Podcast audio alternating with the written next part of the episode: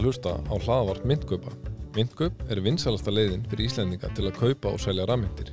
Myndgöp hefur verið starrækt frá því í mæ 2020. Myndgöp leggur áherslu á einfalleika, þægindi og fljóturni.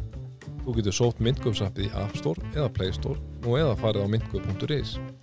Skráningaferðli er einfalt, þú einfalda skráir þið með rafrænu skilíkjum, leggur inn pening og getur keiftir bitcoin á örfáum mínútum og bæst hann í hóp fyrir en 12.000 Íslendinga að velja myndgöp sem leiðina inn í hinn spennandi heim rafmynda. Komið þið sæl, kæra lustendur og velkomin í hlaðvarp myndgöpa. Hinga hjá mér er sestur í annað sinn, fyrsti gesturinn til að taka repeat í þættinum. Eh, Björn Harðarsson, sálfræðingur, velkomin. Takk fyrir. Eh, ég ætla að byrja að minnast á að eh, þú heldur úti Twitter aðgangi sem ég fyrir heldur rétt með twitter.com skástrík bjorn, ekki satt B-E-E, J-O-R-N.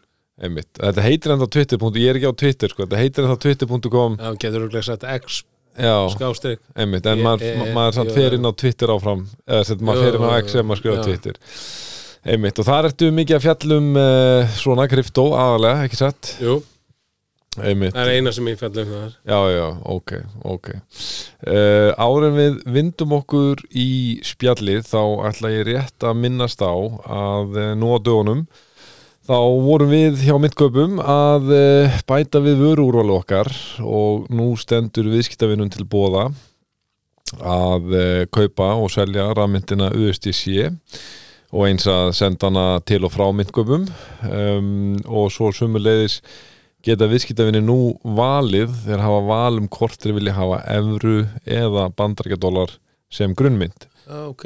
en hingað til eins og, eins og þú þekkir þá hefur aðeins verið valum að hafa evrur. Já, og uh, þannig að þetta er svona þetta er uh, held ég uh, mikil kostur fyrir marga því að eins og við náttúrulega þekkjum þegar kemur að bitcoin að, að hérna uh, menn tala alltaf og miða út frá dólar þegar mann talar um verðið það er bara miklu ykkur veginn þjálla og, og, og svona Má ég segja mitt skoðan á sig? Mér finnst þetta geggjað, sko. Já, gaman að heyra Að- að annars vegar hann að að setja þér í, hérna, USDC. mm Nei, að setja þér yfir í hérna í dollara. Já, Já, að þú veist, ég horfa alltaf á, á stöðuna út úr dollarum og mér finnst mjög erfitt að horfa á stundum á hérna, myndkaup og, og sjá í hérna Evrum, evrum að því að það bara rugglar sko, það er bara þægilegt. Maður er bara vanu dólaranum. Já, og It's all about the Benjamins. Svo finnst mér líka þegar þú veist að, að, myndkaup er svona plattform sem að maður maður byrjar alltaf á Mhm. þó maður sé að vera að gera eitthvað annað í Einmitt. Og finnst mér alveg bara frábært að geta keift í USDC Aha. og senda eitthvað annað til að gera eitthvað annað Einmitt, Bara- einmitt. bara til að hafa mikið með þetta. Já, takk fyrir það og, og, og takk fyrir þetta. Það er einmitt uh, það sem við höfum höfum átt á okkur á er að myndgum er náttúrulega rosalega vinsælt svona on-ramp og off-ramp já, plattform já, já, það, Um, það er fyrir mér þannig. Já, og raun og veru má segja kannski fyrir uh, flesta svona advanced krypto uh, einstaklinga að þeir eru fyrst og reynast að nota myndkaup til að onrampa oft aðrar kaupallir eða alltaf verið í einhverjum gýrunum eða einhverjum treytum eða, eða hafa eitthvert mm, gífulegt úrval af öðrum rafmyndum. Að hérna, en þá hafa þeir einmitt reykið sér á það að, að það er svo kostnaðasamt að uh, koma pening á erlend plattform að, að, að hérna, leiðin að að einmitt uh, leggin íslenska krónur þar sem engin uh, þóknu er tekin fyrir bankainborgun og, og geta sagt, sett á Binance eða hvað annað sem þeir eru að hugsa. Að hérna, þetta hefur, þetta hefur slegið svolítið í gegn. Og það var nú eiginlega ein helst ástæðis að við buðum upp á USDC að því raun og veru það meikar ekkit mikið sens í raun og veru að nota USDC á myndgum nema einmitt til þess að vera on-ramp off-ramp og auðvitað ef ykkur vill bara kaupa USDC til að halda á henni á myndgum þá er það guð vel komið en uh, hérna fyrir þá sem kannski ekki þekkja USDC er náttúrulega bara stöðuleika mynd eða stablecoin sem uh, helst í hendur við bandarækjadólar En hvað má ég spyrja eina spurningu? Já, Hver var ákvörðun að velja USDC en ekki USDT? Já, mjög góð spurning. Uh, USDT eða Tether er náttúrulega stærsta stöðuleikamyndin uh, USDC er næstærsta Þeir voru, uh, USDC náði fyrir svona tveim árum síðan mm uh, meira market cap en USDT Ertu Þegar vissum það? Já, Það, þeir, þeir náðu að hækka allan að nei, nei, þeir náðu ekki að meira. Nei, nei, nei, nei, þeir náðu að hækka allan já, hlutfalli við já, já, já, að því að fólk hafði áhyggjur að því úrst í tí einmitt. Væri ekki bakkað upp á dólarum sko. Einmitt, og það er svona helsta ástæðan í okkur er að e, það er náttúrulega fyrirtæki Sörkul sem gefur út USDC sem mögulega komum markað fljótlega. Já, og svona við höfum náttúrulega leiði talsast yfir þessu, veist, ég tek alveg persónulega fram að ég er ekkert skeptískur á USDT endilega, ekki heldur sko. en, en, en hérna, en það breytir því ekki að það er alltaf þessi eitthvað veginn orðrómur þessar áhyggjur hangandi yfir teður USDC, nei, hérna, USDT það er búið að vera, það eru glæsu ári já, já, algjörlega og svona hvernig þetta er bakkað upp og, og þeir hafa svona, þó þeir hafa nú komist ágætlega frá því sko að þá, þá þeir, þeir hafa verið að hérna staði stappi við SEC og, og svo framvegis að svona við mátu að þannig að það var örugra að vera úrslit. já, að bara USDC er mest solid uh, stöðleikamyndin já, okay, okay. um, það var svona, það var pælingin en, en, en klárlega góð spurning uh, í síðasta hlaðarpun okkar þá vorum við mitt svona einblýna á málefni þálíðandi stundar og uh, þó ekki sé langt síðan við spjöldluðum þá er ótt að segja að, að gerst Já, mikið vantrunni til sjávar og um, sko, hvað er að byrja? Ég hugsa að það sé kannski nærtakast að við byrjum að fjallum þá staðrind eins og hefur nú verið fjallaðans um hérna í þessum frétta ornum eh, að spot ETF er orða veruleika já, og tölum aðeins kannski um verðið, verðsveiflunar uh, í dag, ákveðat núna eru við um 41.200 dólarum uh, Spot ETF var samþygt uh, 10. januar var það ekki, frekar já, 10. þetta- var það, já, já, já. og hvað svona ef ég hendi þessum bolta yfir á þig sko, nú á alltaf gífurlegar hækkanir sko framað, sérstaklega framað sérstaklega aðdraganda hækkunar Já. en eftir að uh, sagt, fréttin uh, var gefin út að, að, sem sagt, að hafa búið að byrta ákvörðuna að, allir þessi 11 sjóður væru samþyktir að þá fórum við samt og heldum að hækka fórum hæst upp í um 41.9 já, 49,1 eh, 41, eh, 49.1 já, Já, einmitt, 49.100 dólara um, og leit sannal út fyrir að við værum að fara að brjóta 50.000 dólara en uh, allt kom fyrir ekki og uh, uh, töluvert svona mikil dífa eftir það já. fórum í 38 og 5 Mér finnst þetta mjög áhugavert. Ef við, við aðeins í þessu að við uh, BlackRock sóttum uh, Bitcoin ETF 160 dögum áður og samþýtt mm og þá byrjaði svona hækkun. Og við, eh, við skoðum hækkuna ég held að hún hafi verið svona 65% hækkun á þessum 160 dögum. -hmm. og ég man ekki nákvæmlega hvað við töluðum um hérna en það bara skýr merki um að þegar það er samþykkt þá myndi að hækka. Mm af því að um mannst eftir hvernig þetta var það, var, það kom einhver svona falsfrétt. Einmitt, miðan já, þá hækkaði það svakalega sko. einmitt þá vissu allan ákveð mun hækka. Mm En En þá var nota minna, þá var verðið bara, verðið var 28 stólarar þegar fréttin byrtist hún fer í 30.000 já, sem er náttúrulega tölvöld mikil hækkun á sko klukkutíma. Já.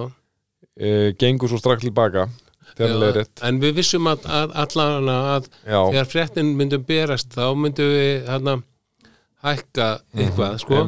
en, en sjö tímum eftir fréttin byrtist þá voru allir búin að koma staðið að fréttin var fals- falsfrétt einmitt Ég held að það verið bara klukkutíma sko. Já, já. það var leiðið mjög já, sjö tímum voru allir búin að frætta það. Já, já, allir, já, einmitt, og, og, og, og þá getur maður séð ok, það, e, það þekktasta í, í, í bara fjárfestingum er bæði rúmursæluðu njús mm að kaupa hana, sögursögnina Einmitt, og selja þegar það er komið frétt.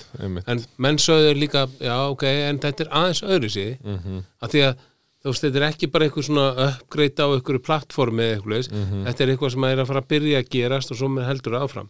Hann er að opna, opnast fyrir nýjar dýra fjármagni til að flæða inn. Já, og svo voru samt menn sem hafa voru sérfræðingar í ETF sem voru sérfræðingar í kaupallasjóðum sem sögðu, en, en ekki gera ráð fyrir þetta mun bara keira, keira, keira, keira upp. Mm -hmm.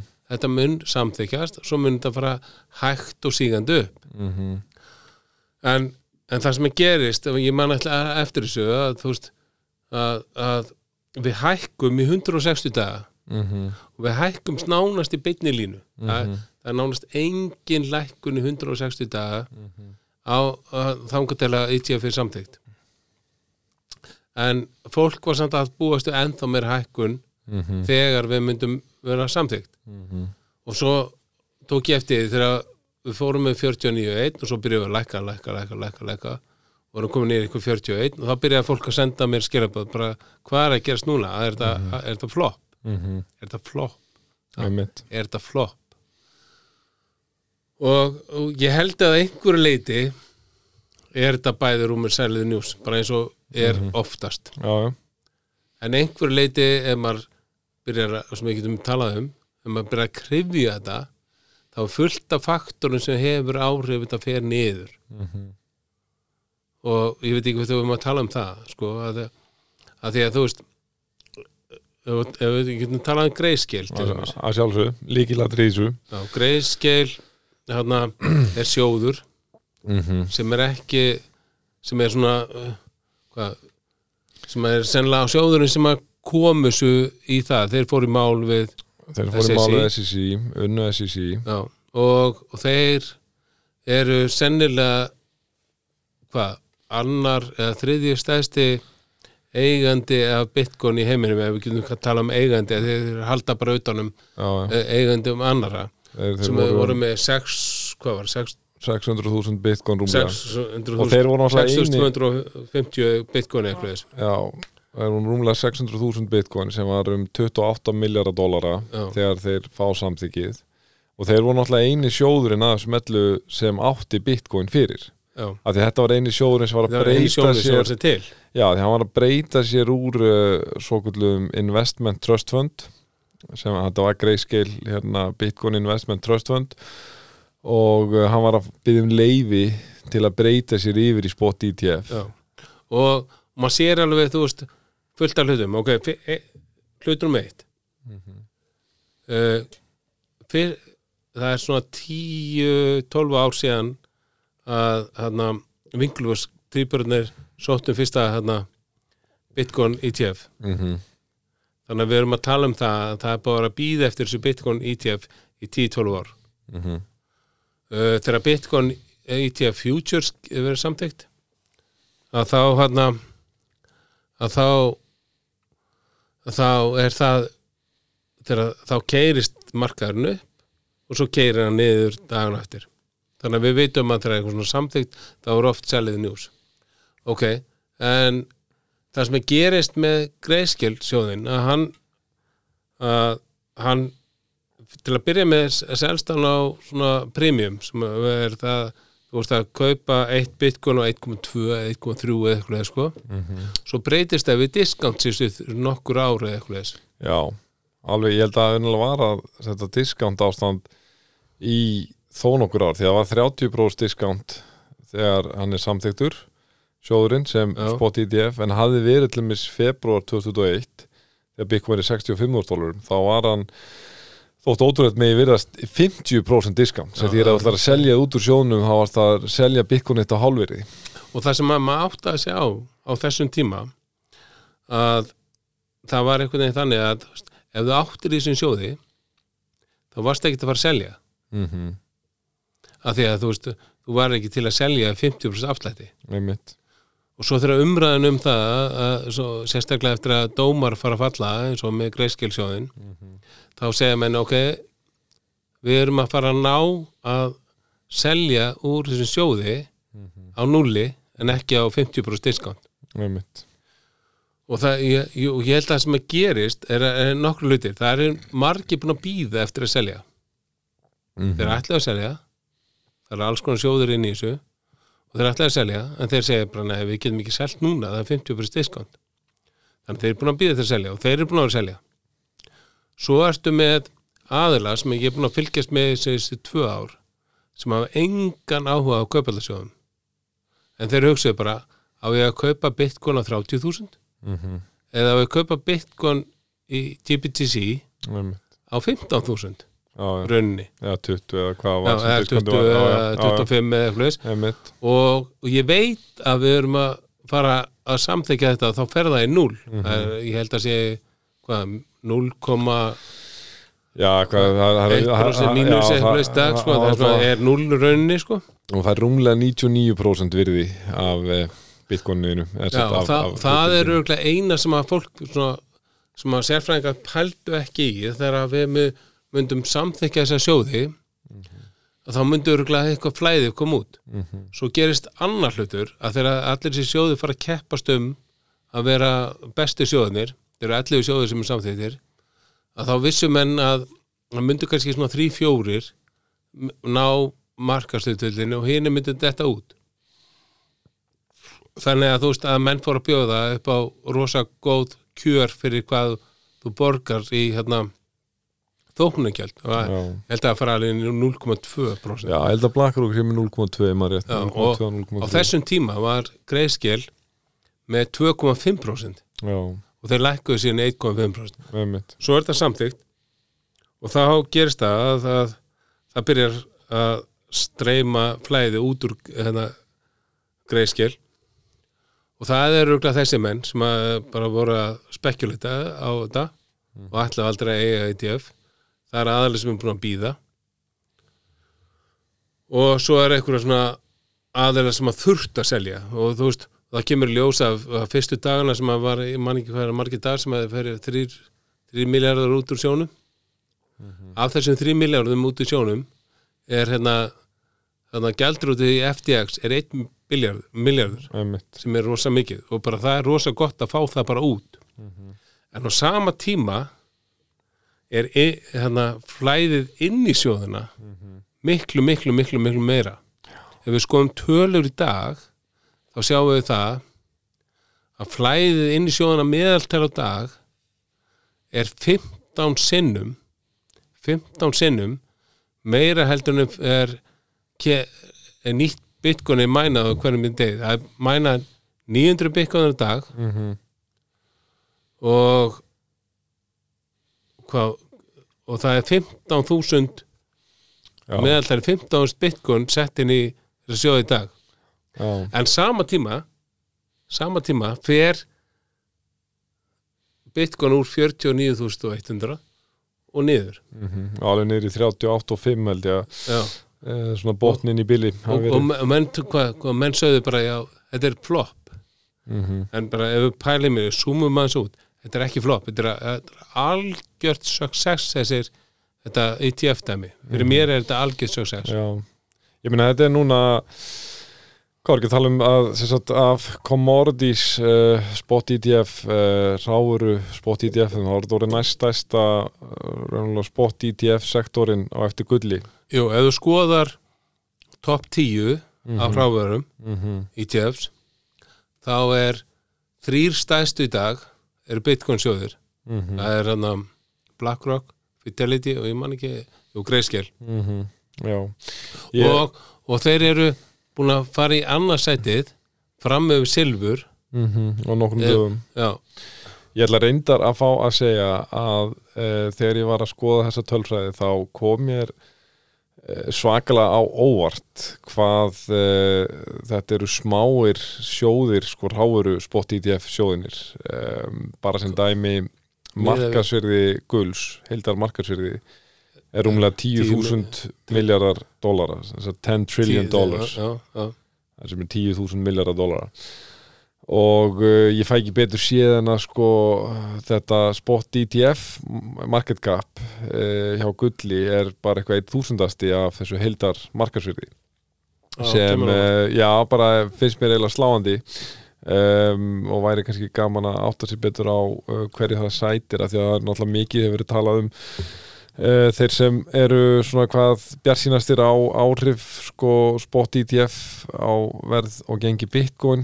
Að þeir nefna ofta ég held að við fjórfaldast uh, gengi guls uh, munar að það verið kringum 2000 sem þeir fá uh, sem sagt, það verið fyrsti spot ETF sjóðurinn í gulli samþýttur og hann verði þar fyrir úr 400 okkar dólarum held ég í 2000 dólar á 10 árum og uh, þráttur að vera náttúrulega rótgróin markaður með gull sko, sem er uh, náttúrulega ekki alveg sambarlegt við bitcoin þó hann sé að verða náttúrulega þróskar og þróskari um, sem ég verða vikuna mér finnst bara dálítið er þetta átt að með á hvernig það hefur haft svona mikil áhrif á gengi gulls ef þetta er svona lítil hlutild í heildarsaminginu en, en, en ég tekka nú fram að, að, að ég er engin expert í því sko, ég er bara svona, svona nýbúin að vera að setja minni í uh, þennan spot ETF heim í, í svona víðara samingin en bitcoin. En, en hérna maður þekkti þess að sögum með gullið og uh, held að þetta væri já ég hef bara gefið mér að þetta væri tölvert stærri tölur. En, en ég held að þetta sé alveg rétt og ég held að taki flestur undir sem hafa uh, svona skoða þetta eitthvað, eitthvað, eitthvað grúndíkt að, að hérna þetta er velgengnissaga svo far með, með tilkomið þessara bitcoin kaupallarsjóða, engin spurning. En ef við skoðum það samingi sko, það er bara, þó, jú, engin spurning. Ef við skoðum prósendunar það eru litlar. Einmitt, en við skoðum þetta eins og ég var að segja á þann hvað er þetta mikið að taka, við getum við orðaða þannig að taka bitcoin af markaði mm -hmm.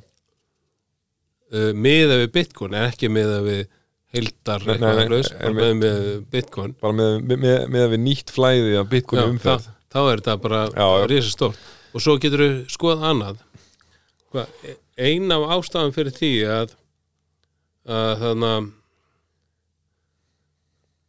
að verðið hækkar ekki við þetta er að uh, hvernig kaupa þeir bitcoinið, þeir kaupa það út í sí sem er hvað hva, hva stendur það fyrir? Að, þetta er over the desk uh, ekki hérna trading eitthvað sem að eitthvað hefur álíka. ekki beina áhrif á verðið.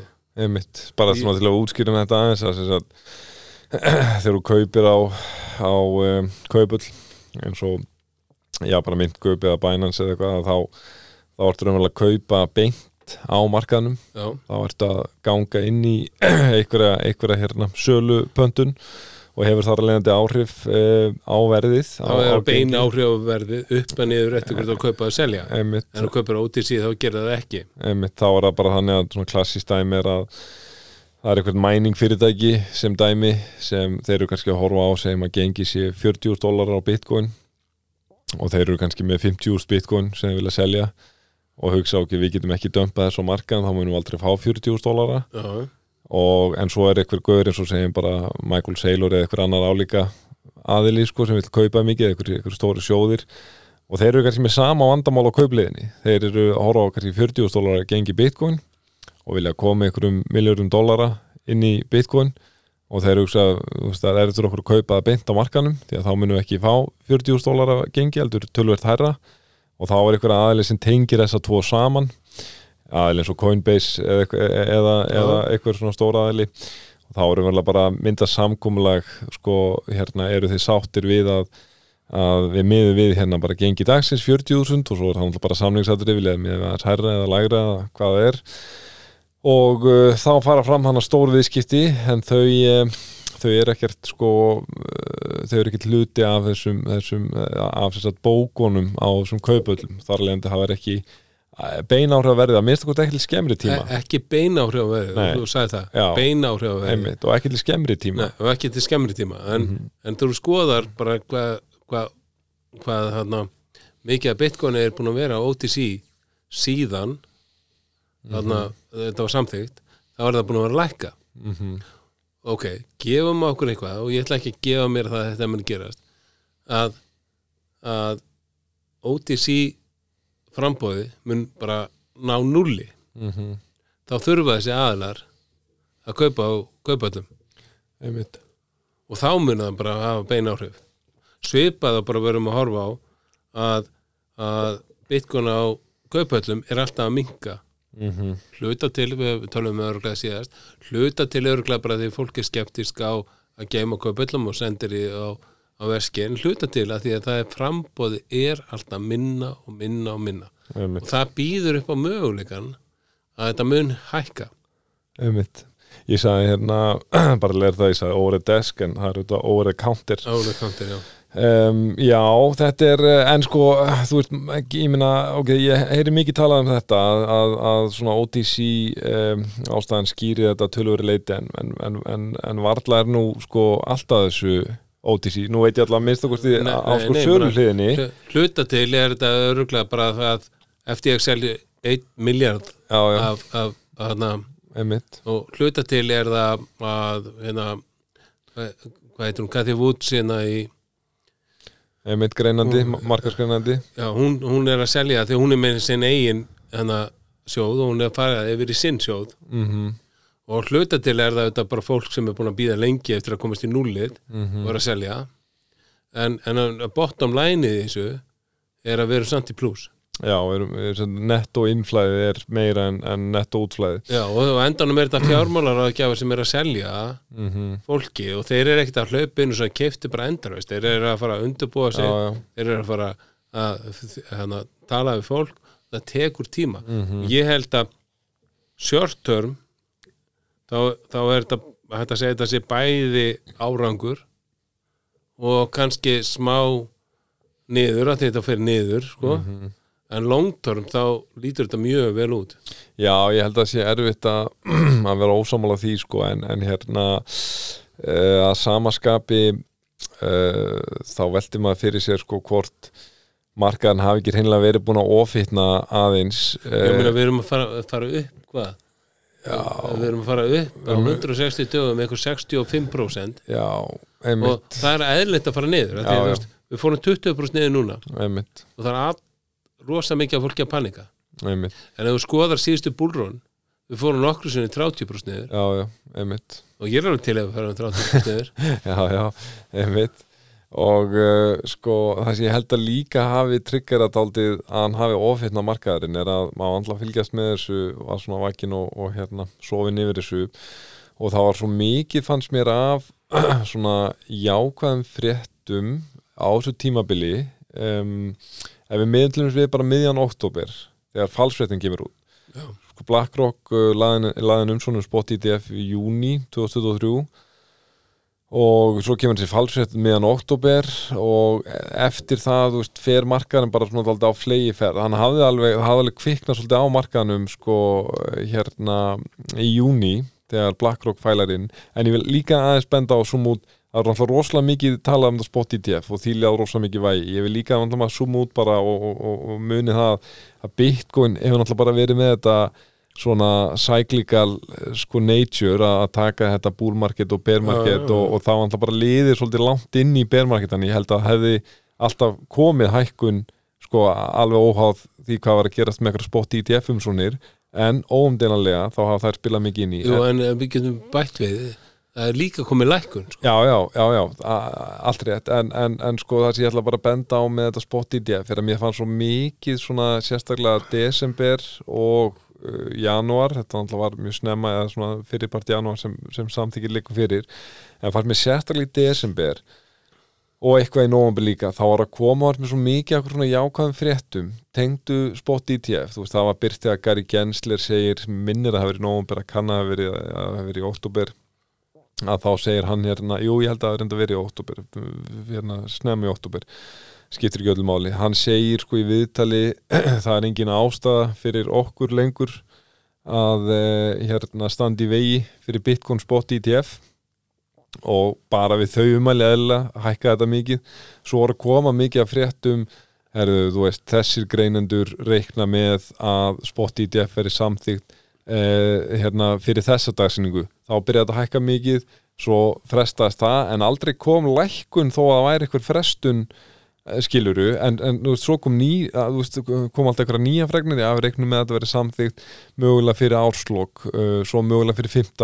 janúar og alltaf hækka þetta, sko, út af þessar spennu já, já. og svo svona tíunda og svo náttúrulega kom- þetta hana svo kom þetta líka náttúrulega þessi hana e, þetta kompromise á Twitter að gangi SEC skiluru, byrjaði eitthvað rjúku upp svo Já. gekk aðeins tilbaka það ég ætla bara að segja þetta er að þú varst eitthvað svona búin að sko, hvað að segja, kaupa uh, þennan orróm svo marg oft skilur, margar var búin að kaupa þennan orróm svo marg oft að því að var alltaf að koma að berast ykkur að jákvæða fréttir.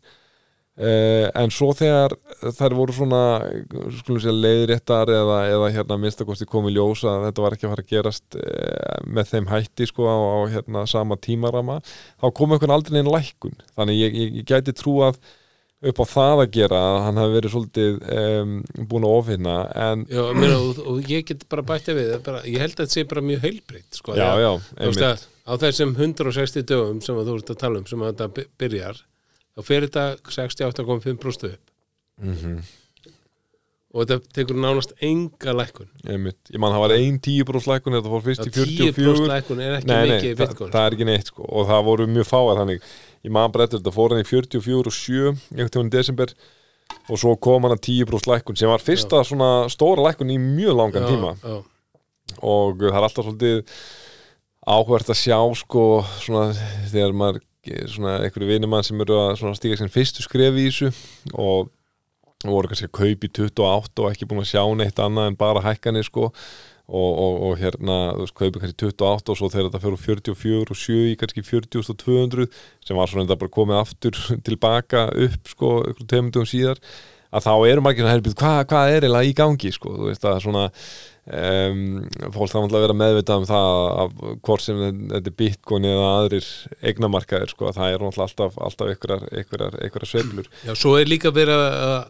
það er örugleika verið að reyna að hafa áhrif á þetta. Já, Því að þú skoðar kaup og sölu síðustu svona 20 daga mm þá erum við að sjá þetta sem er bara greinlegt hérna FTX og, og átlóði greiðskil og allt það. Mhm, en við erum líka að sjá að það er stóri kvali sem eigast mjög mikið sem er líka að selja.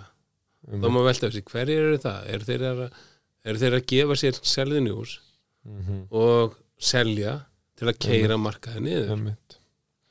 Já, þú veist, maður, maður náttúrulega veit það ekki en það sem er finnst mér alltaf svo uh, áhugavert í þessu speysi sem maður er svona búin að lifa og hærast í núna í, í rúmlega fjóra ár að uh, það er hvað sko momentumið er fljótt að breytast. Ég tek bara sem dæmi uh, þegar við erum hann í 49.000 sko bara daginn eftir að þetta er samþygt að þá er gríðarlegur spenningur í gangi. Við ætla að fundu það bara mjög greinlega á hérna myndkaupum.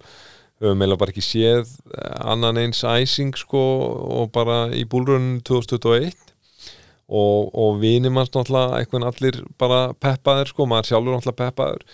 Og uh, menn byrjar að tala rosa mikið um, ég var að fá eitthvað svona messenger eitthvað svona bara, heyrra fyrst ég er að við erum að fara yfir 70k í januar og við erum að fara yfir 60k í januar og, og allt þetta. Og, og eins og ég þykist aldrei vita neitt sko hvað verður er að fara að gera til skemmri tíma. Ég hef bara lært það að maður veit það ekki. En ég hef sagt áður að ég er bara þannig, ég nota eina þjónubutreglu að það er ef allir eru komnir á okkur eina skoðun að þá yfirleitt finnst mér Bitcoin gera okkur að döfugt.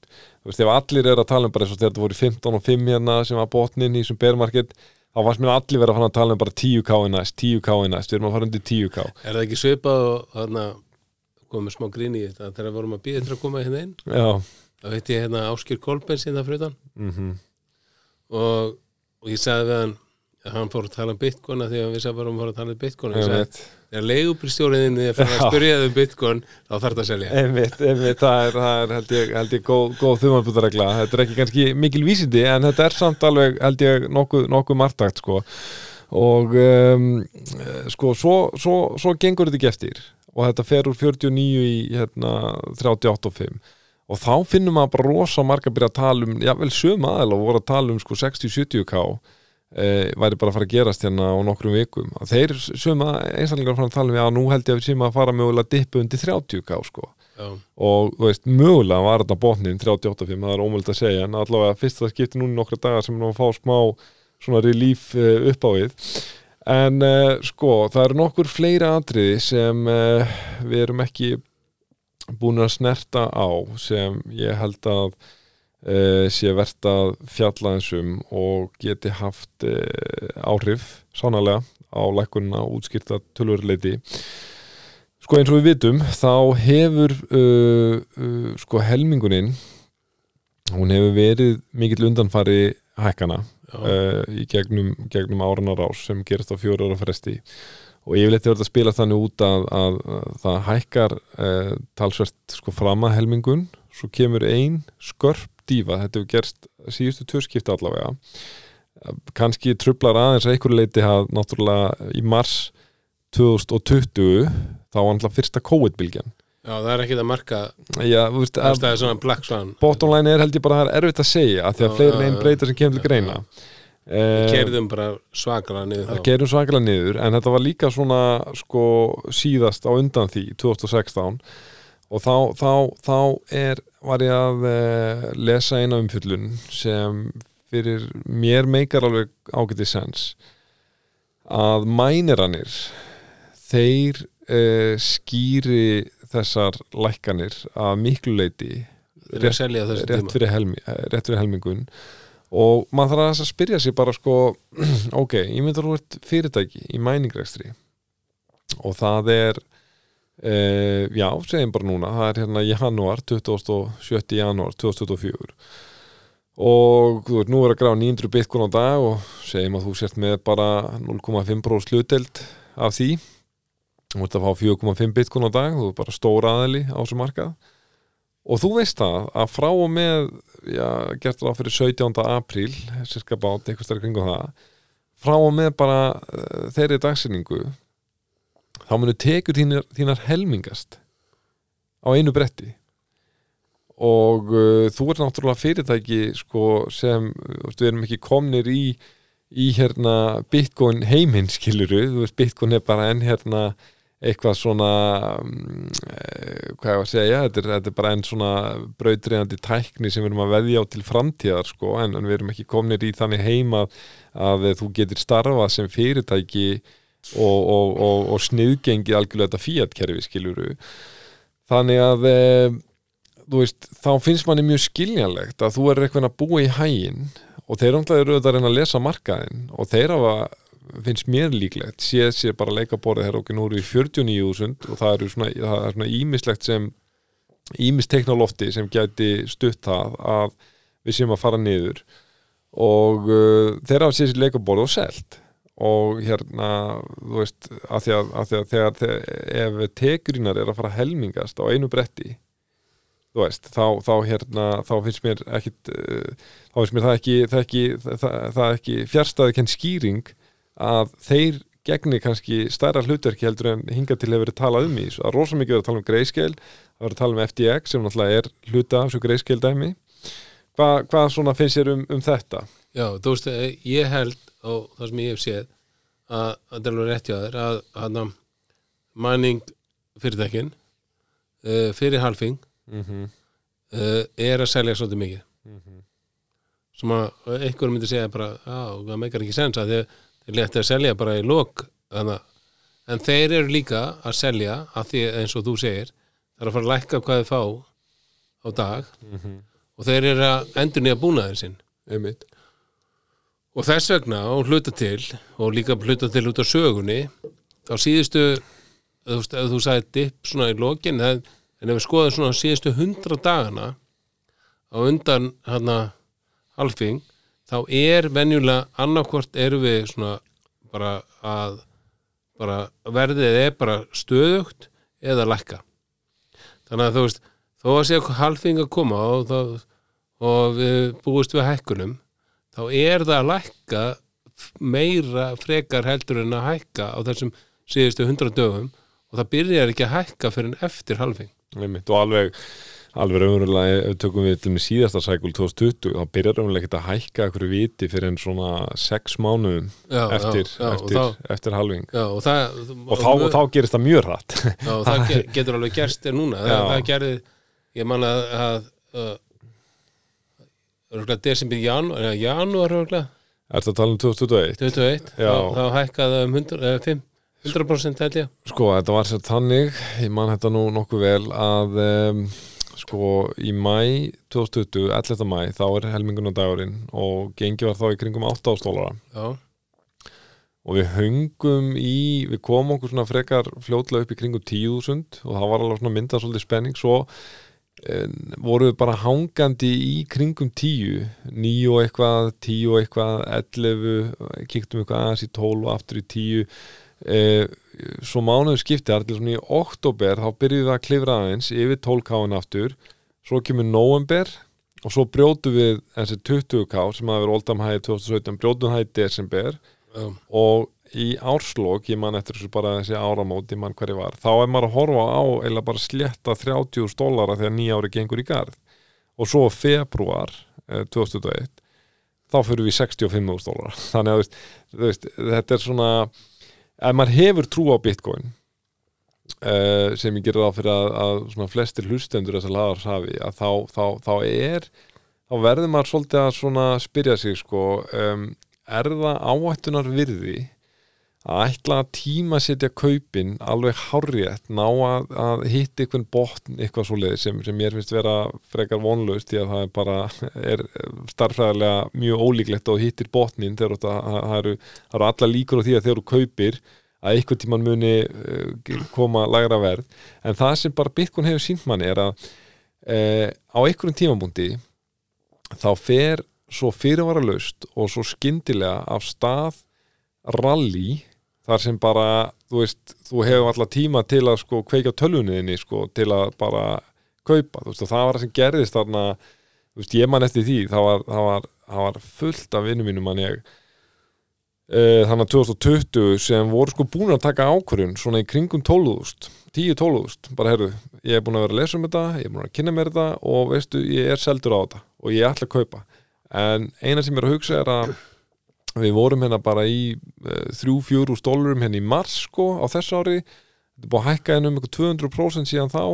Þannig að ég ætla, ég ætla að koma mér inn í næstu lækkun. Og langfæstir og ég reyndar bara að vera að vera hreinskilin ég man ekki eftir einum í fljótubræði eh, náði ykkur í lækkun en gríðalega margir kom ekki inn fyrir enn í desember Ja, þegar það var komið yfir 20.000 það mun alltaf gerast að þú býst alltaf við næstu leikun að því bara við skoðum núna þá erum við hvað, 40 og hvað? Já, 41 og 2 þegar við byrjum að tala. Og við getum farið, eða þú veist, það er eitthvað svona resistance í 37 Mhm. 37, svo er 35 eitthvað, mm svo er 32 eitthvað. Og ætlar að fara inn í 38 eitthvað, ætlar að fara inn í niður fyrir svona sálfræðilega barið inn í 40 eða ætlar að fara í 35 og, og flestir þeir býða alltaf eftir næsta næsta. Einmitt. Þannig að þó að þú segir ég ætla að koma í 38 og 7 og þú færð 38 og 7 á þá, kaupur þá ekki sé- hugsaðu bara, já, 35 eitthvað. Já, svo fer það upp í 41 mm -hmm. þá hugsaðu, shit, ég er búin að missa þessu og þetta er að fara upp og kaupir í 41 Já, og það er það sem að gerist. Þess vegna held ég að svona dollarkost afrið sem bara okkur, ok, ég kaupi eitthvað x á viku. Mm -hmm. Eða mánuð eða mánu eða hvað það er. Setur bara eitthvað inn. Einmitt. Og getur vel verið hana kaupir í rauðu mm -hmm. en ekki hérna býða allt eftir næsta af því við höfum ekki hugmyndum það því að Nei, nei. við, eitthvað sem við höfum ekki talað um Matt Gox að, það, einmitt, það, það gæti gert það niður. Einmitt Það var, það var einmitt svona Ég nefndi tvöadrið sem við höfum ekki drepið á sko. Að eh, og fyrir var þetta með mænirana en hitt er þetta með Mount Gox uh, sem er uh, aðtilsvert svona aðeins að, að kynna hvað Mount Gox var og núna er sem þrótabú en uh, Mount Gox uh, var kaupull í Japan. Uh, mér minnir að hún hafi farið í þrót 2013 Já, passar. Og uh, þetta var raunverulega sko á þessum tíma raunverulega bara eina kaupullin Já, uh, það, þú veist ég las hana ég las sögun á bakvið hana hvað heita er hana tvíburarnir Já, stýbrunir, Já. einmitt. Þeir voru að byrja. Já, það fóru allt í gegnum Matt Gox já, sko það fór í gegnum uh, fyrirtæki sem uh, hétt Bit Instant. Já, já, og uh, það var þessi Charlie Gaur hana sem var CEO-in þar, þeir hittu hann einmitt á Ibiza. Og voru þá búin að fá 65 miljón dólara settlement frá, frá Facebook eftir, eftir hérna málaferlin þar og það sem ég vissi ekki er að þeir hafðu krafist þess að fá það sko algjörlega þvert gegn ráleggingum uh, lögmanna sinna. Það hafðu krafist þess að fá það greitt í hlutabrjöfum Facebook. Þeir voru bara eitthvað klikkart 65 miljón dólar og þetta er eitthvað hérna, startup social network eitthvað dæmi hérna takið peningin skilur þeir bara nei, við vitum hvað þetta er að fara að gerast. Og uh, þannig þegar kassa endilega úti í pening þá hérna þá fáið 500 miljón dólara og þeir fjárfesta bæði í þessu bit instant fyrirtæki og uh, hérna kaupa líka um 200.000 bitcoin þegar bitcoin er kringum 10 dólara og uh, þá fór sko 30% af öllum bitcoinistum heims sem voru náttúrulega mjög lítil í gegnum þetta fyrirtæki bit instant en það er rétt að öll þeirra viðskipti Mount Gox var bara bakendi bit instant. Já, já, þeir voru bara búin að fatta að það var sko, þú ert að býða í þrjár vikur eitthvað að leggja inn pening á Mount Gox og, og þú veist, þeir föttu konsept, þú veist, í raun og veru ekkit svo ósvipið hugsun og hérna myndkaup bara, herðu, ef við getum bóðið þessa þjónustu bara strax, þú veist, instant lokal uh, þá hérna er eftirspunni eftir því og heldur betur var eftirspunni, það var 30% af þessum viðskiptum fór ekki hérna bit instant. En já, þetta er svona útudúr, mjög, mjög skemmtilegur enga síður, en sem Mount Gox var Ég held að þetta hafi verið á okkur tíma eitthvað Magic and the Gathering líka hérna uh, já, trading já, platform sko. Og svo var þetta komið um, hérna uh, inn í bitcoinið og var uh, já eins og basically eina eða minnst okkur til langsamlega stærsta uh, bitcoin kaupill í heimi. Og sagan er eitthvað að fá leið að, að þegar þetta fer á hausinn þá, þá töluð þeir um að þeir hefur verið hakkaðir já, okkur tölu ára sem en svona einhverja kenningar að hafa verið á loftum að einhverjir, skeptískir á, á sagt, það er skýringar og hafa kannski leitt að því líkum að, að mögulega hafi ekki allt verið með feldu þannig að baku tjöldin en uh, maður veit auðvitað ekkert um það, getur ekkert fullur um það en hvað sem því líður þá, 11 ára setna já, er ekki búið að borga út nei, þarna það sem fólk á að fá. Einmitt. Það er ekki búið að, skipta út trótabúinu, og ég man ekki nákvæmlega hvað hérna Bitcoin var í 2013 það verið svona, þú veist undir 100 dólar allavega held ég. Já. en það sem ég hugsa þú veist, það sem, að, sem ég hug mér veist að, að þú veist, ok þetta mun hafa áhrif, engin spurning. Já, Svo kannski, til að, kannski til að bara uh, bæta þessu samingið það er talað um að Mount Gox þrótabúið haldi á rúmlega 140.000 bitcoin. Já, þeir, það er ekki vita nákvæmlega sko, að, mm. að það er búist við að svona cirka séða 142.000 bitcoin og 142.000 eða 143.000 bitcoin cash. Ok. Og fólk getur valið hvort að tekur út af. Mm og þú getur velt fyrir hvort þú vilt taka út af. Já, einmitt. Og en, en þú veltiði fyrir þér ok, engin spurning, ef þú skoðar þetta samengi við þetta greiðskild drop núna þá er þetta miklu, miklu stærri fjárhæðir heldur en greiðskilu var með. Já, býtu nú við, þetta eru stærri sko þú er þá þegar þú segir stærri fjár þú ert að tala um með hvað greiðskil hefur selt nú þegar. Já, að það greiðskil er búin að selja nú þegar eitthvað, hvað 70.000 bitcoin eða eitthvað. Já, sem er bara þá helmingurinn af þessu. Já, en þeir eiga hins vegar greiðskil á ennþá um 550.000 bitcoin. Já, þetta var 620.000 Já. bitcoin uppjálega Já, við veitum ekki hvað mikið af þessum 550 er líklegt til að lenda sölu Já, og þetta er mjög góð punktur að því að þú veist, þú veltið fyrir hverjir voru inn í hérna Mantgóks Já, á þessum tíma? Mhm. E? þú veist, við getum alveg örgulega velt fyrir okkur að mjög örgulega tölufur hópur af þeim eru þeir sem er ennþá inn í Bitcoin mhm. og þeir eru þá líklega búin að vera stakka upp einhverju meira Bitcoini Mhm. þannig að þeir eru ekkit endilega líklegir til að vera að býða eftir því að, að 100 dólarinn fara upp í hérna 40 dólar eins og fólk talar svolítið um Já, þannig að það þarf ekki endilega að vera að það verður uh, það er að vera allan ekki 100% selling pressure Nei, sko rauk með og líka á móti þessu eru að ég þór ekki alveg að fara með hvernig það var mér minnir að það hafi verið 2022 að þá uh, þegar sko ég set hann fyrir var og ég man ekki nákvæmar tölur hana en mig, mig langar að segja að Bitcoin hafi verið eitthvað kringum 30 dólar kannski aðeins undir að þá stóð öllum viðskiptavinnum Mt. Gox eða sett kröfuhöfum í þrótabúið þeim bóðst að selja bóðst að selja kröfur sínar eða það voru ykkur sjóðir tilbúinir að kaupa þær. Þeir kaupa voru- kröfuna já. kaupa kröfunar að þeir voru búin að vega og meta að heru, þetta eru bara solid kröfur.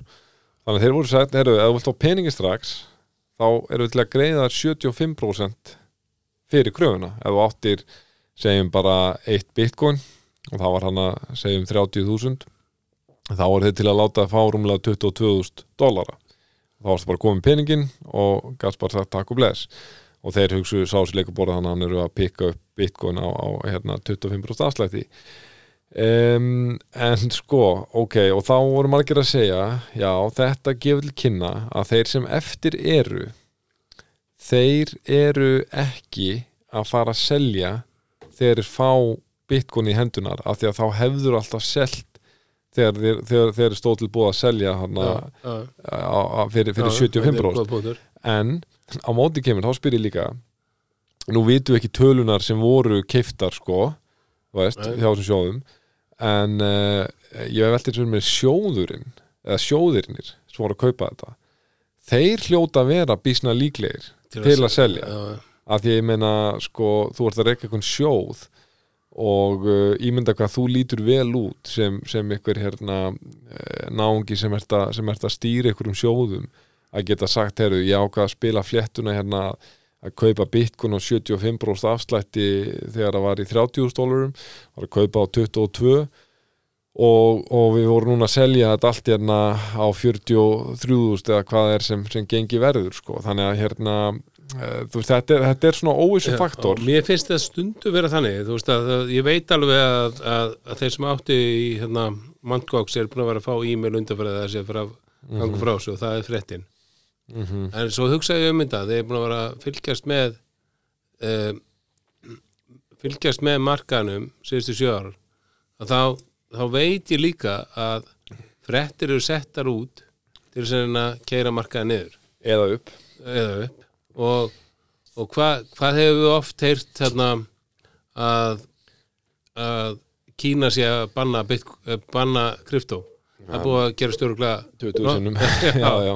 Já, og svo er hinn fréttin er hérna Mantgox hérna, maður er búin að heyra það mjög oft. ég man eftir fyrir svona, svona tveim já, árum síðan. Þetta var svona þá, 2022 þá heldum menna að þetta var að koma markaðin og þá lækkaði allt. Einmitt. þannig að þú veist og, þetta, þetta, þetta er mjög áhverju punktur að því. Einhverjum ástæðum þá, þá einhver veginn byrtist þetta tal alltaf, þessi frétt alltaf.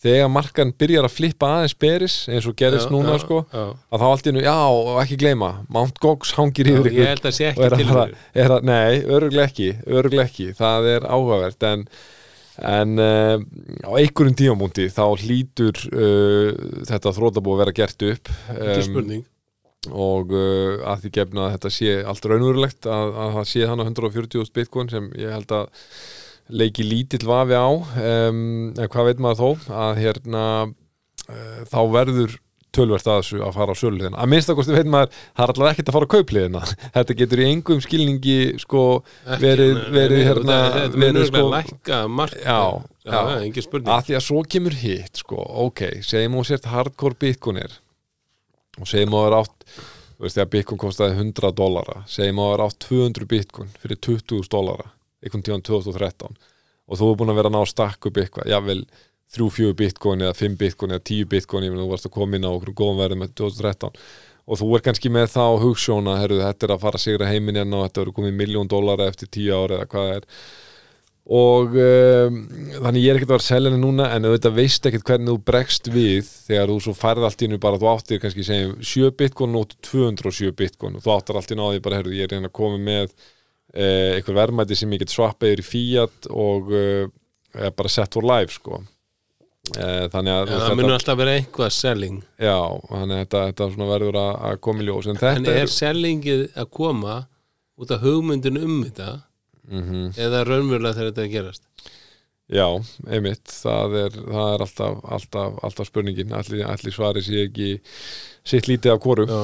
um, en já, nú eru svona hérna kannski þú veist uh, við erum held ég búin að fjalla núna svona allavega í fljótu bræði erum búin að tæma svona uh, þar sem ég þetta helst í hug sem útskýrir uh, þessar lækkanir uh, sko sem hafa núna gengið yfir hennar úr 49.000 í undir 40.000 og þetta er svona til að taka þetta stuttlega saman aðalega er þetta greyscale uh, þetta er þessi tilgáttu mæniranna og uh, þetta er auðvitað þetta klassiska bæði Rumor Sell the News og núna þetta Mount- Mount Gox og líkast til er þetta einhvers konar sambland af öllum þessum þáttum um, en uh, sko það sem ég sé kannski góða í þessu eða svona ef maður á að, þá að tala um upp á svona til að vera svona sjá þetta setja á sig búlis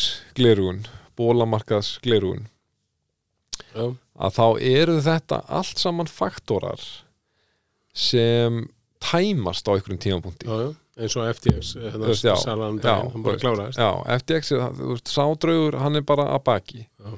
Endanlega. Um, á einhverjum tímapunkti en það er kannski samt svona stærsta grílan í þessu ennþá. Greiðskil heldur á 550.000 bitcoinum og líklegast er langmestur meiri hluti þar eh, enn í sko gríðarlega miklum uh, óinnleistum hagnaði. Já. Sem er- það, það hægir samt á já, en, en, en, en það er samt svona eh, hvað ég segja ég skil alveg ef þú er dæmis einhver sjóður á Wall Street að þetta svona dræja aðeins úr þér kjarkin fyrir maður að keira inn í Bitcoin núna og eitthvað nert með það svona lúmingi yfir að heyrðu, mögulega er eitthvað fantur hérna með 550.000 Bitcoin að fara að dömpa á allar hækkanir sko, þetta gæti svona dreigið máttina aðeins úr þróttin úr, úr hérna nautónum Engi spurning, en á sama tíma erum við að sjá samt inflows. Já, sem er að, er outperforma outlaws og það, það er mjög ágætt en, en, en að minnst okkur bóttalæn er þetta er, þetta er að einhver leiti eh, sko endanlegt magn, þetta, þetta, þetta, þetta tæmist. Mænirann er algjörlega sama sagan þar. Það er já, event sem, sem ef hann er á baki sem maður veit auðvitað ekki um. Við tökum það auðvitað fram að, að við erum náttúrulega þetta eru bara tilgátur sem við erum með út frá þeirri umfjöllun sem við höfum tilengað okkur uh, við höfum ekkit einhverjar uh, skjálfestar uh, heimildir fyrir því að mænir að hafa verið að dömpa mikið en, en þetta er svona flestir um, sem er að greina bálkakeðunar og, og annað eru, eru, eru á þessu máli. Um, og sama með Mount Gox sko, það er hérna það er eitthvað sem á endanum verður raunverulegt og verður þá að baki. Það er kannski mest pyrrandi í þessu sami gera Mount af því að ég er ekkert hissa ef það er svo ekkert selt á Mount Gox á þessu ári. Og þetta verður bara svona faktor einhver veginn svona hangandi yfir þú veist, það staður. en já, en ég meina þá á móti kemur að þú veist, í stóra saminginu ok, 140 bitcoin, það er náttúrulega heil mikið en, en þú veist, það er samt það er ekki séu 2 miljón bitcoin skilur eða eitthvað svoleið sem myndi algjörlega vera það Já. myndi halda markanum bara í gíslingu þú veist, þannig já. tölur sko. En þetta er ekki þannig tölur um, þannig að ég held að við séum svona sammálum það að, að um, já, ef ég, ég, ef ég leiði mér að að uh, sko taka saman sem þú varst að segja og þú leiðir þetta með fyrir átt með að, að þú er þeirra skoðunar að þetta spot ETF launch það hefur tekist mjög vel til. Já, jafnvel framar vonum. Já, um, og og svona langtíma effektin eiga þá bara eftir að vera betri. Engi spurning en kannski svo ég spyrir líka, ég meina reiknar samt ekki með því að það hægist líka á innflæðinu ég meina, lítur þetta ekki er, er ekki líka raukrætt að ætla að innflæði sé hvað mest og sterkast Jú, það hægist alveg á því en það mun vera svona gradual já, upp á við og, og það, það mun það mun alltaf hafa áhrif á þetta hvað, hvað frambúð eftirspunni er. Einmitt. Og mögulega eigum við eftir að sjá eitthvað svona að það hægja á bitcoin verðinu. Mm af því að það sem að það sem að gerist þetta er svona, það er alltaf hæp í kringum eitthvað eins og við vorum að tala um. Það var þessu 160 dagar sem að var allir að pæla í þessu, að þetta myndi hækka bitcoin og allir hendin í bitcoin. -hmm. og núna erum við að horfa á það að þú veist að það er til hana futures uh, framtíðar hana, hana Einmitt. Ethereum. Einmitt og ef við skoðum dómana og rökin fyrir því að Bitcoin ETF var samþykkt þá byggist það ef þið samþyktur Bitcoin Futures ETF þá hljótu við að geta samþykkt Spot ETF þannig að mennir strax byrjaðar að pæla í ok, það kemur hérna Ethereum já, ETF í mæ einmitt. Og kannski ágúst, eh, þú veist það skiptir ekki öllum máli. Þannig að þó að Ethereum er búin að vera, ég held að Ethereum og Bitcoin hafa aldrei verið eins e, lí, e, lítill fylgni við hvort annað já, eins og síðustu svona sex mánuði. Einmitt. Þá er alveg möguleiki að Bitcoin hægist á Bitcoin og Ethereum fara að upp já, en uh, sko, ef ég spyrir bara finnst ég líklegt að í þýrjum verði samþykkt? Já, ég tel það mjög líklegt Ég er ekki viss um að ég sé sammálaður. Um, sko, að því þú nefnir rökin uh, sem þessi greiðskildómur Já, það, það er mögulegt, ef maður gripa fram fyrir því, það er mögulegt að að, að því að þeir, að furðunan hátt að því að þeir fóru í steiking mm uh, þá sé það líklega til að vera þannig flokkar sem hann security, einmitt. Engin spurning. Og ekki bara staking, þar ertu þú, ég meina, þú ert með Vitalik Buterin sem er eins konar CEO af Ethereum. Þú ert með uh, miklu meira centralization í sko uppbyggingu á þessar bálkakefi, þeir náttúrulega halda því auðvitað start og töðut fram að þetta sé algjörlega decentralized.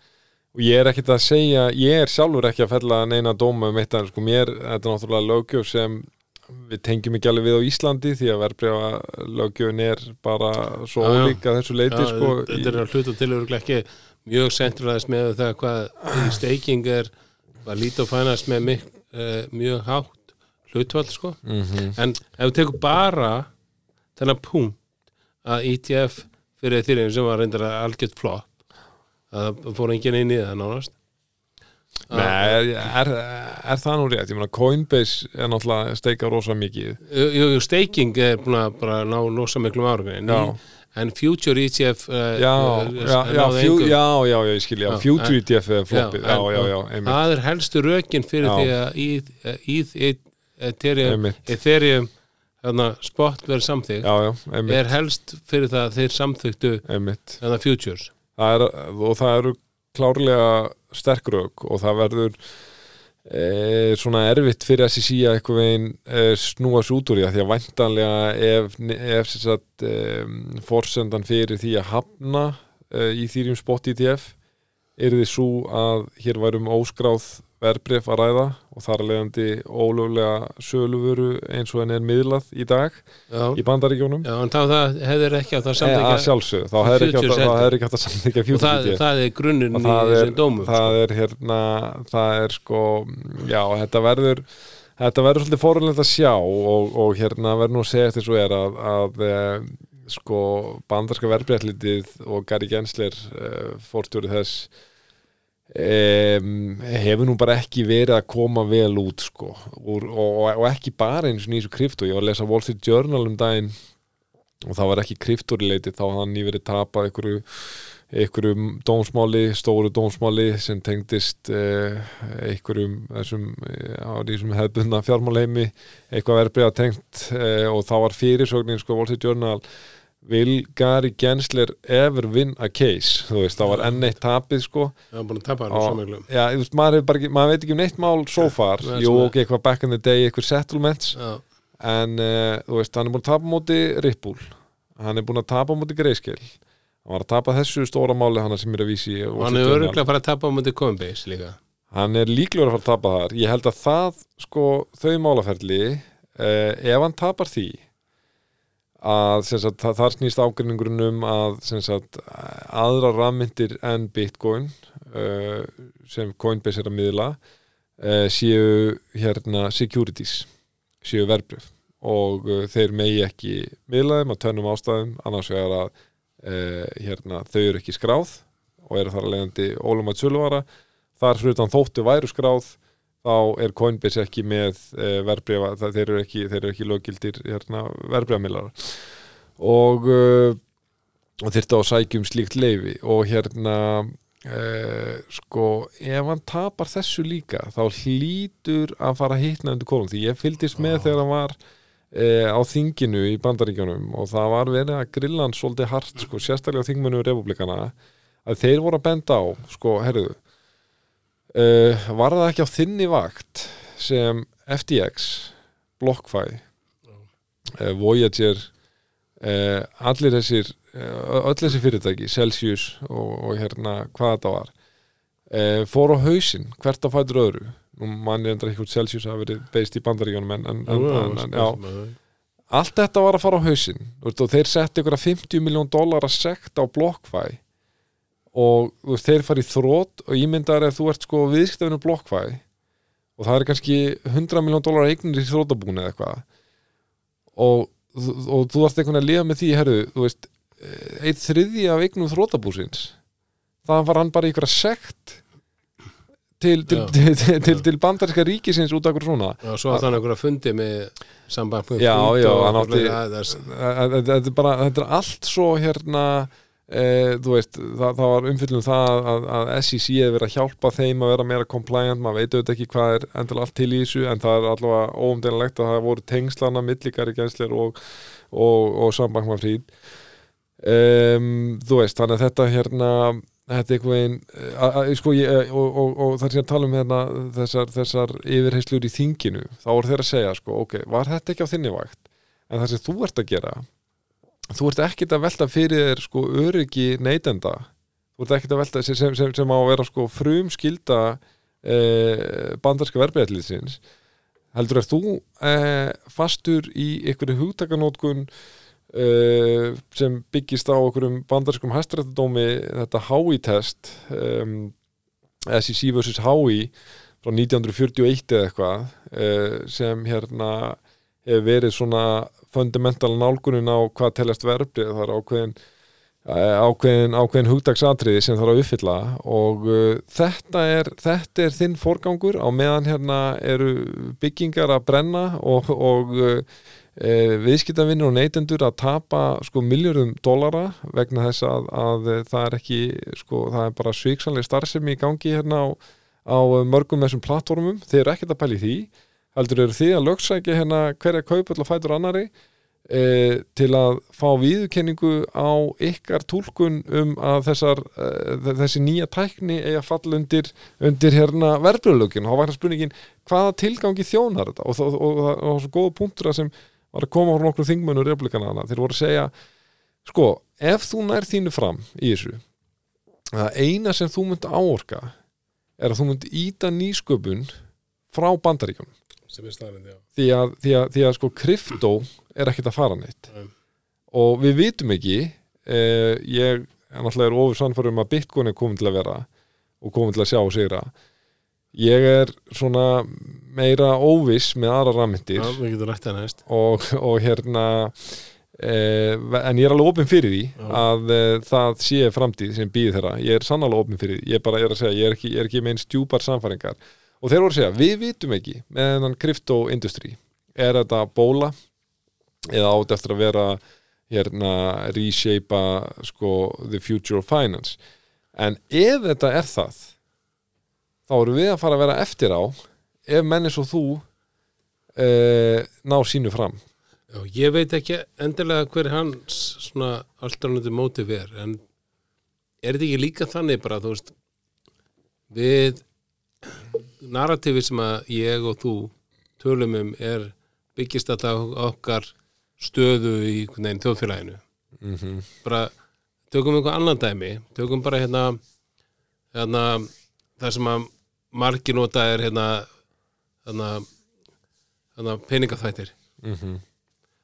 þú veist að, að Jamie, Jamie Dimon einmitt. hann er búin að vera að tala um rosa mikið um peningaþætti og, og bitcoin. Mm og ég var að skoða áðan tölur yfir hvað mikið hluti af transaksjón á bitcoin er- 0,24 0,34 reyndar. Já, en það er samt 0,34 Já, var, var, 0,34 nei, sko, Björn, ég held að það sé eh, komið núna í 0,24 í, Ok. í, í hvað að þetta er það síðast ára sem að ég sko, Þetta er chain, chain, chain analysis Já, chain, chain já. analysis, allt er þetta að segja þetta. Crypto Crime Report sem kemur út á ári um, og þetta er búið að fara jafnt og þétt lækandi já, síðustu ár.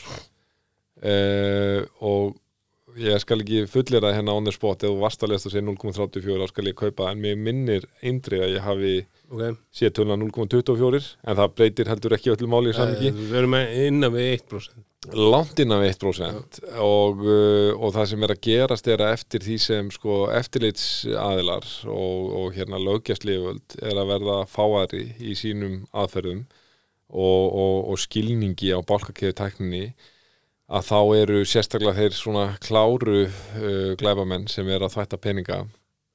Þeir eru áttur sig á því að, að uh, þetta er ekki brúglegt verkfæri til að þvætta peninga af því að uh, uh, slóðin verður þarna að eilífu. Öruglega þekktasta dæmið er Hamas gaf út ekki senda okkur bitcoin. Já, það, ég vissi það ekki. Já. Já, og það það, var sett upp að þið var að fá alveg gí, gríðalegt magna bitcoini. Já, en svo kom ég bara að ljósa að þetta var bara rán Já, einmitt. Maður verður svo þreytur á hvað umfyllin er óheðaleg sko, að það er, það er alltaf verið að slengja þessu fram og sko að sjálfsögðu er verið að þvætta peninga með rafmyndum, það er þvætta peninga með öllum verðmætum sem til eru. Það er bara leiðar á hlutana segli spurningin er eh, hvað er brúglegast til þess og, og, og, og, hvað er raunhafast að vera með eitthvað varnir og það er alveg sama hvar þú ert í heiminum, það er alltaf reyðið fyrir sem er eh, brúglegasta verkværið eh, það er eina sem er algjörlega nafnlaust, algjörlega spórlaust um, en ég er samt þar að mér fyrir samt sko uh, tilhugsunin um að tilhugsunin um að hérna uh, búa við cashless society og taka reyðu fyrir úr, úr uh, umferð uh, mér hryllir við þá tilhugsun. Af því að sko þegar grunninn er það stjórnun. Já, að því að, að, að ég lítið svolítið bara þannig á þetta. Ég menn ok, við erum alls sammála um það að við viljum ekki peningavætt í samfélaginu. Og við erum líka alls sammála um það að við viljum ekki ofbeldi í samfélaginu. Og ég get alveg fullir það að að það væri útivistatími á alla eh, borgara þjóðfélagsins að enginn mætti fara út úr húsi eftir klukka nýja á kvöldin. Eh, það myndi örgulega fækka ofbeldisbrotum heil mikið sko en spurningin er, er það samfélagi sem við viljum búa við sko? Að því að, að, því að svona þetta, þetta vestræna þessi svona vestræna þessi vestræni kúltúr sem byggist á réttaríkinu, byggist á mannréttindum uh, að, að hann hefur daldi verið með útgangspunktin sko þessi gildi, frelsi mannréttindi, réttaríkið þau eru það mikilvæg sagan hefur kent okkur hvað þau eru mikilvæg að við verðum að vera tilbúin að fórna ákveðinu fyrir það sko. Það er, þú veist, það, er ekki vafum það. Ef það er ekkit frelst samfélagin þá eru margir örugari að ýmsu leiti sko. En, en hérna um, já, þetta er svona, þetta er út úr en þó ekki vegna þess að uh, fyrir þá sem trúa mikið á bitcoin, hugmyndafræðilega veist, þá þarf náttúrulega að vakna sko hugsunin það snýst ekki bara um að græða peninga þú veist, auðvitað er það alltaf hluta þessu sko. Og ef eitthvað vill bara vera í svo þeim fórstum þá er það bara frábært, þú ræður í bara ákveða fórstum þú ert, en, en um, ég er alltaf að líta meir og meir og meira á þetta sem uh, þetta er algjörlega sko fundamental fyrirbæri í að veita ríkisvaldinu aðhald. Að vera að sko borgarinn sé með verkfæri í höndunum sem ekki er hægt að stjórna og líka bara, þú veist, ég held bara þú veist, þú lendir í því eins og ég að eiga samtal sem fólk er að gaggrina bitcoin og Já, já. krypto einmitt, og þú bara komin á þann stað að þú bara vilt ekki taka umræðina og ég heyrði eitthvað svona samtal um daginn sem að var svona sem að var svona ef þú færð einstakling til að setja 50-100 klukkutíma í að skoða þetta þá skiptir hann oftast um skoðun 100% og ég vil segja að þetta sé ekki 5-100 tímar, ég ætla að segja að þetta sé Eh, svona já. 5-10 tímar. Ef hann skora á opnum hug. Og þetta var hérna þetta var viðtal við hérna Scaramucci. Já, þú veist hvað já, hann já, er. Já. og hann sagði að hann hefði hitt hérna hvað heitir hann í BlackRock hérna Larry Fink. Larry Fink. Og Larry Fink kemur að honum og segir hérna, já, þú ert svolítið Bitcoin maður. Og hann segir, já já, ég held að þetta sé algjört drast það, það er tvö ár síðan þetta einmitt, og, og Larry Fink var að fara einhverja, einhverja lestarferði einhverja svona einhverja tíu tíma og les og Skaramussi segir, ok, ekkert mál þú mátt hafa þessu skoðun, en notaðu ferðina í að aðeins að stútir þetta. Einmitt. Og tvei mánu setna eru þeir komnir inn í í ETF og hann búin að taka alltaf því líka uppi umælum algjör uppbyggju sko og uh, þess vegna finnst manni sko alveg kostulegt að sjá eða kostum, mér finnst það enda alveg pínu sorglegt en þú veist uh, svona er þetta bara, maður sér Jamie Dimon hérna, hann var í viðtali á CNBC uh, núna skömmu eftir áramót uh, og þar var sko spyrillin greinilega mjög inn í Bitcoin og var búin að fylgjast með öllu því. Og Uh, hann var að segja sko, herru, Jamie, þú veist, þú er nú hann er undir að tala um, sko, hann er hrifin af bálkakeðutakninni, hann er ekki hrifin af bitcoin. Og hann segir það og hann talar alltaf um þetta sama að þetta sé bara eh, speculation með eitthvað pet rock bull og hann tók reynda fram cool, ef þú vilt vera í bitcoin bara you do it, sko, you do you, þú veist, þetta er free country. Það er þó allavega að sumir, sumir er ekki eins og tilbúin að segja það, sko, þannig að hann var þó allavega þar um, en maður fann hvað hann var pyrraður og sérstaklega þegar sko spyrillin sagði en hvað finnst sér umskilur the Black Rocks of the World og ég meina Larry Fink og að því að þú veist ef við svona tölum í svona, ego-törm sko, þetta er náttúrulega ego-kallar skiluru og Larry Fink er náttúrulega alfaðin í þessu sko með hérna stærsta hérna, hérna frangatastjóri stærsta eignastýringaðal í heimi Jamie Dimon er risa player líka í þessu og ég, maður sá það bara þegar maður horfði á þetta. Hann, hann, hann, hann blótar sko þú veist, hann, sem, sem, og hann svona En- misti kúlið, hann sagði bara þú veist, first off, I don't care. So stop talking about this shit þú veist, Já. og bara verður svona pyrraður sko, og reyður En þú hugsar það, bara um að skrifa inn í. Mm. mögulega hefur Ja- Jamie Diamond meira að tapa heldur en ja, bara en- 100%, 100%. Því Larry Fink þarf að hækka hvað þú færð út úr sjóðunum sínum Mhm. uh, en uh, hvað gerir Bitcoin og krypto fyrir TradFi? Það gerir það að verkum að allir kostnaðurinn ríkur niður bara, uh, alveg svo sjáum bara við getum náttúrulega að sé bara Coinbase Coinbase er ekki að græða beint á því að, að það er sem er komin í ETF þeir eru með, læra fí Einmitt. þeir transaksjón heldur en hann að sel, kaupi bara bitcoin að þeim sko. Kannski eina sem er græði er að þessi sjóðir eru langflestir hjá Coinbase já, já, Sem er örugglega stórt, og, og, og, gerir það alveg örgla og, þetta uh, Larry Fink Larry Fink vill hækka það sem að fólk hann hefur tekjur að það er búið að vera frekar lágt undanfarið. Mm en, en Jamie Dimond sér fram á það að markalsutis hann, hans mun einhvers að lækka. Og við tölum öll út frá okkar stöðu hverju sinni sko. að sjálfsög, ég meina hann náttúrulega maður sem er þeirri stöðu að e, öll hans ímynd e, öll hans áhrif og völd sko, allt hans identity þetta er náttúrulega allt byggt á þessum fíja teimi já, já, já. og, og, og, og, og maður þarf náttúrulega að vera sko heiðalegur og sem sagt maður þarf að horfast í augu við það að maður talar oft út frá okkur sterkur hugmyndafræði og á til að fella dóma okkur aðra sko ef ég set mig í, í hérna, það spora að kem ykkur önnur tækni sem ætla að skáka algjörlega bitcoin og þessu og bara þá, þá er hérna auðvitað vona ég að ég sé þeim kostum gætur að, að ég myndi bera gæfi til þess að geta litið með opnum hug og, og hérna hlutlagt á, á hlutina og, og, og, geta viðkend ef ég hef rámt fyrir mér en, en, en, en, að líkindum með við það að ég sé mannlegur þá myndi ég eflaust sko vera mjög uh, ég hlutrægur gafar þessu. be- besta dæmi um það var í sannlega Kodak og Blockbuster. Já, einmitt, einmitt. Veist, þannig, þannig að þetta er allt bara í mannlega eðli og þess vegna getur maður ekkit verið að já, kannski verið að hissa eða eitthvað það gaggrinnin á, á gaur eins og Jamie Dimon. Eina sem mér finnst bara þreytandi er sko þú veist, eh, ég skil oft ekki sko, ákveð geta menningi bara sagt heyrðu,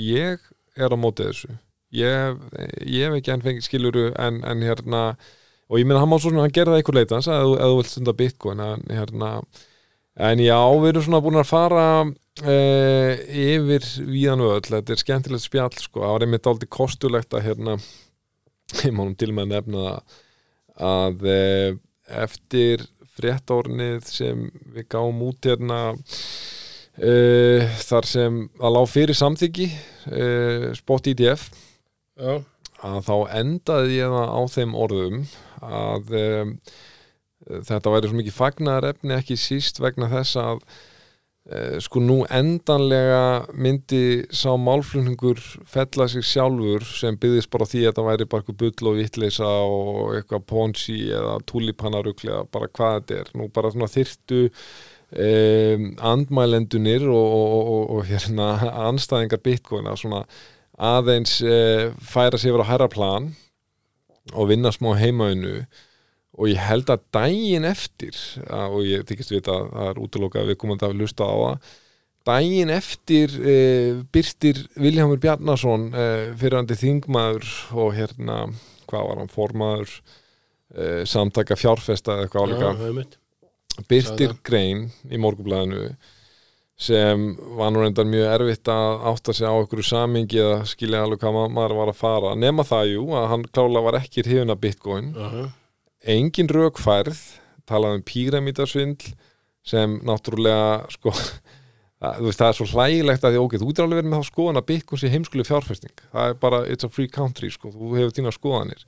En þú getur ekki talað um neitt sem píramítasvindl eða ponsi-svindl nema að uppfylla ákveðin skýnlir það fyrir nummer 1 og 3 það verður að vera lofórð um ávöxtun. Já, það er ekkert lofórð um ávöxtun bitcoin. Þú getur keft bitcoin og það er enginn sem veitir tryggingu að fara ekki núl daginn eftir skilur, Þetta er, það, það, það, það er enginn að lofa þér neittni ávöxtun. Þú Já, kaupir ég- þetta algjörlega á þinni trú og svo náttúrulega nummer 2 að það verður að vera eitthvað útgefandi sko. en, en ég var varðið að fólk las þetta sem að var að móti bitcoin. Já, ég, sko, og, og, og, og það er sko, það, það er talað með þetta í hérna í raukfræðinni uh, kennivaldsleiðinni að hérna uh, the argument of authority eða eitthvað álíka er þetta kalla á ensku. Að það er að segja, þetta var mjög klassist manni í lögfræðinni að uh, þá ef ykkur voru að rökraða sko eitthvað, eitthvað á sviði lögfræðinar og ef ykkur var kannski skorti rök eða eða hafði ekki alveg burði til, a, til að færa fram ykkur, tefla fram ykkur um góðum og gildum rökum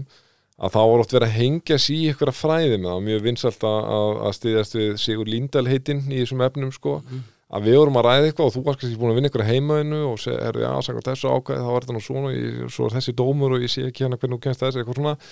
Og ég er svona, ó já, hvernig á ég svara því? Já, herru, Sigur Líndal, hann sagði þetta að þetta væri svona og það veitir mönnum eitthvað power og þetta er, satt kent, þetta er eitt af þetta er eitt af, veist, það eru nokkur principles í rökfræðinni, sko, þú veist, að að ekki fara í mannin, þú veist, atominem strámansaferinn og, og svo kennivalslegin, þetta eru svona nokkur afir sem móta alls ekki að beita í rökræðum, ekki segja eitthvað bara af því að þessi gera það. Og þetta er mjög skiljanleg tilneying því að ég held að allir finni fyrir ákveðnu öryggi að, heyrðu, hérna þessi vitri maður var að segja þetta.